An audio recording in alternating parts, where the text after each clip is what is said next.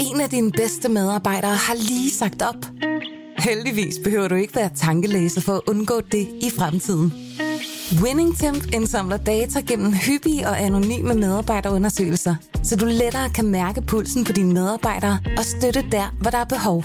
Kunder som Alfa Laval, Orkla og Volvo bruger allerede WinningTemp og ser, at det øger trivsel, reducerer turnover og hjælper med at fastholde talenter. Få gratis gennemgang allerede i dag på winningtemp.com. Velkommen til Morgenposten. Berlingskes nyhedsoverblik.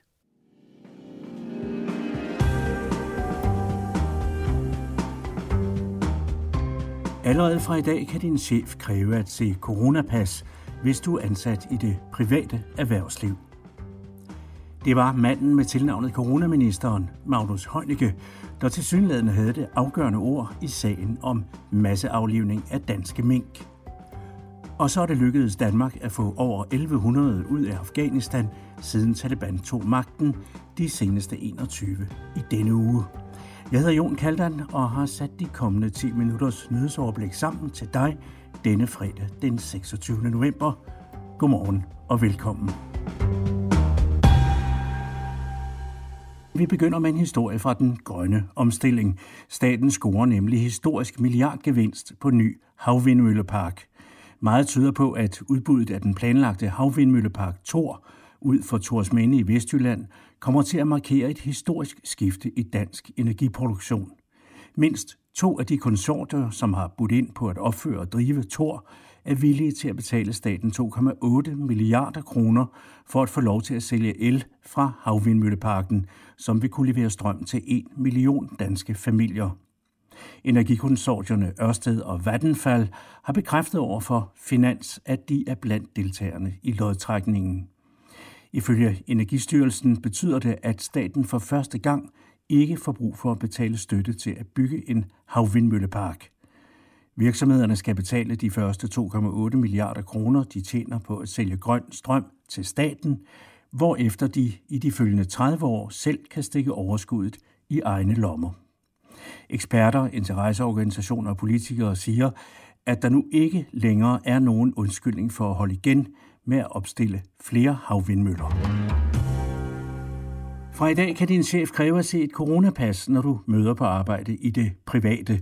Det står klart efter, at Folketinget nu officielt har vedtaget den trepartsaftale, som regeringen og arbejdsmarkedets parter indgik for to uger siden.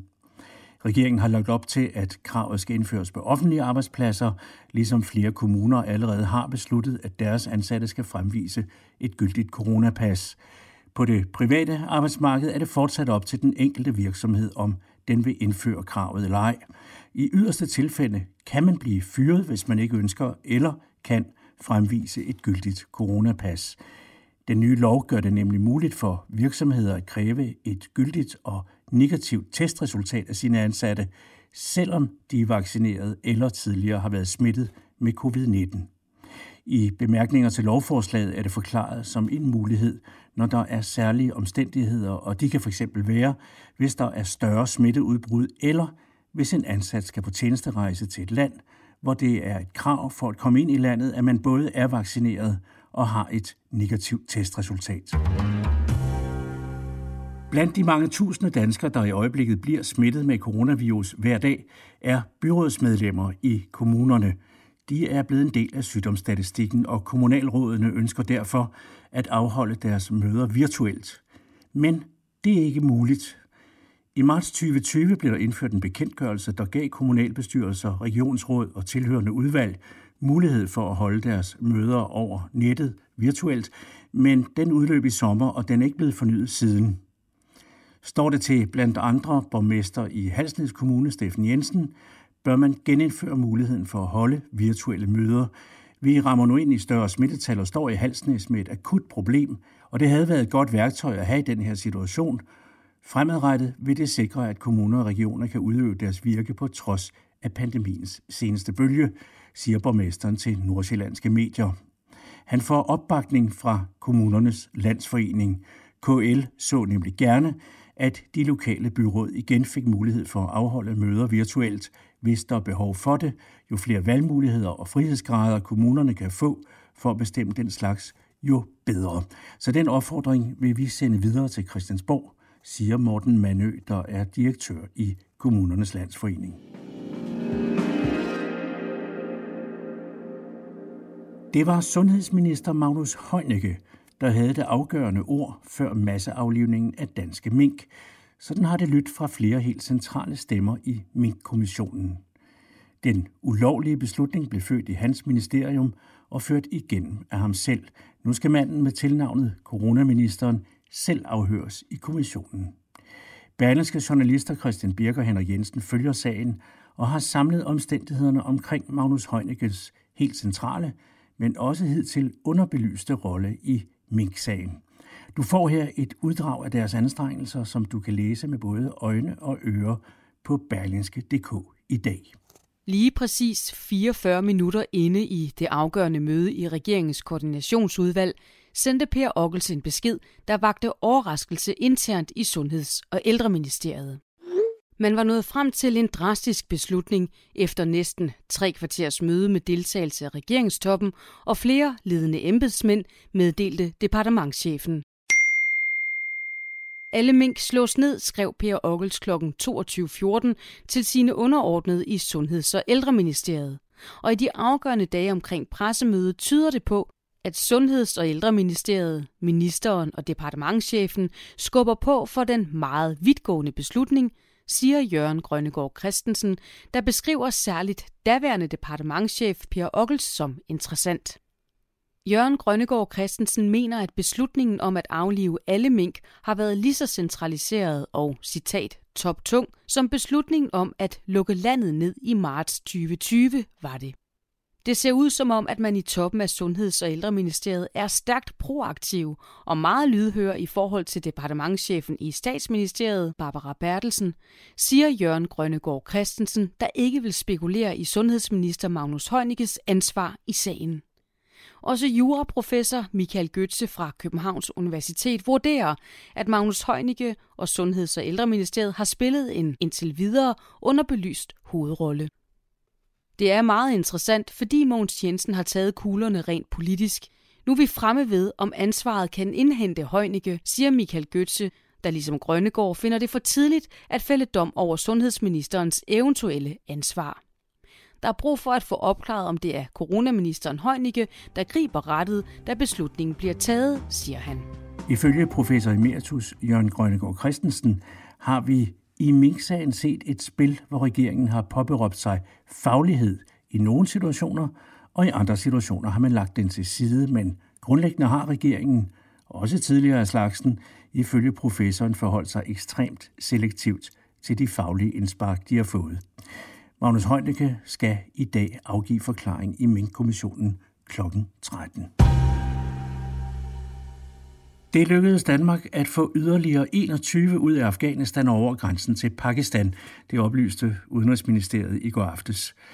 Af de 21 personer, der blev evakueret i forgårs allerede, er 13 kommet til Danmark onsdag. De resterende otte ventes at komme til landet senere i den her uge. Med dem er i alt 1073 kommet til Danmark fra Afghanistan, siden Taliban-bevægelsen tog magten i slutningen af august. Jeg er stolt og lettet over, at det lykkedes at få godt 1100 ud af Afghanistan, siger udenrigsminister Jeppe Kofod.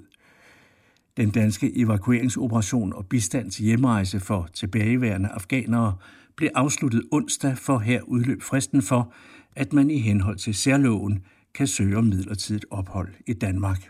Og derfor vil myndighederne, i henhold til hvad der er politisk aftalt, ikke længere hjælpe yderligere personer ud af Afghanistan. Det er dog fortsat muligt for tidligere tolke og lokalansatte at søge om bistand under tolkeaftalen, skriver Udenrigsministeriet. Der befinder sig fortsat omkring 40 i Afghanistan, der står på den såkaldte danskerliste. Det er personer, som enten har dansk statsborgerskab eller et dansk opholdsgrundlag. Efter 27 migranter i forgårs druknede under forsøg på at krydse den engelske kanal fra Frankrig til Storbritannien, er de to lande nu havnet i et bittert skænderi. Britterne mener, at Frankrig gør for lidt for at forhindre, at migranter sætter gummibåde i havet på den nordfranske kyst, og det er derfor er Frankrig, der er skyld i, at katastrofale ulykker kan finde sted på kanalen. Storbritanniens premierminister Boris Johnson har ifølge The Guardian tilbudt at sende flere britiske betjente til de franske kyster, men Frankrigs Emmanuel Macron er ifølge avisen ikke vild med den idé. Frankrig mener til gengæld, at Storbritannien gør det for nemt for migranter at komme i arbejde, og at britterne derved selv er ude om, at migranterne våger sig ud på den farlige færd. Og på den måde ja, så er 27 menneskers ulykkelige død i de novemberkolde bølger forløbig endt i et diplomatisk skænderi. Morgenposten er ved at være nået til vejs ende, men jeg kan lige nå at fortælle lidt om, hvad der sker i løbet af dagen. Klokken 10 her til formiddag, der modtager dronningen nye ambassadører, traditionen tro, på Fredensborg Slot. Dronning Margrethe modtager nye ambassadører fra Australien, Israel, Norge, Finland og Ungarn. Og så er der også i dag, at skoleskibet Geos Dages elever fra efterårstogtet 2021 afmønstrer i deres traditionelle uniformer. Det sker ved skibets kajplads på Nyholm. Kaptajnen holder taler og overrækker fledspræmer og diplomer, men det er uvist, hvor meget verdens ældste skoleskib kommer ud at sejle næste år. På nuværende tidspunkt er Geostages bevilling på finansloven kun til et årligt togt. Og så fortsætter Mink-kommissionen som tidligere omtalt sine afhøringer. I dag er det to ministre, der vidner. Finansminister Nikolaj Vammen og så sundhedsminister Magnus Heunicke i den spejede sag om den manglende lovhjemmel til minkaflivningen. I dag er der også Black Friday, der herhjemme også er blevet årets store shoppedag. Er man lidt træt af det, ja, så har fænomenet fået en modbevægelse, nemlig International Buy Nothing Day – Dagen går ud på, at man i protest mod den store shoppedag helt undgår at købe noget de næste 24 timer for at sætte fokus på miljøet og demonstrere mod køb og smid væk kulturen. Der er frit slag.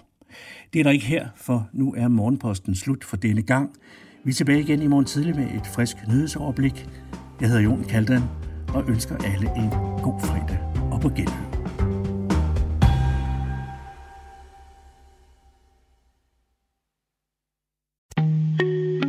af dine bedste medarbejdere har lige sagt op. Heldigvis behøver du ikke være tankelæser for at undgå det i fremtiden. WinningTemp indsamler data gennem hyppige og anonyme medarbejderundersøgelser, så du lettere kan mærke pulsen på dine medarbejdere og støtte der, hvor der er behov. Kunder som Alfa Laval, Orkla og Volvo bruger allerede WinningTemp og ser, at det øger trivsel, reducerer turnover og hjælper med at fastholde talenter. Få gratis gennemgang allerede i dag på winningtemp.com.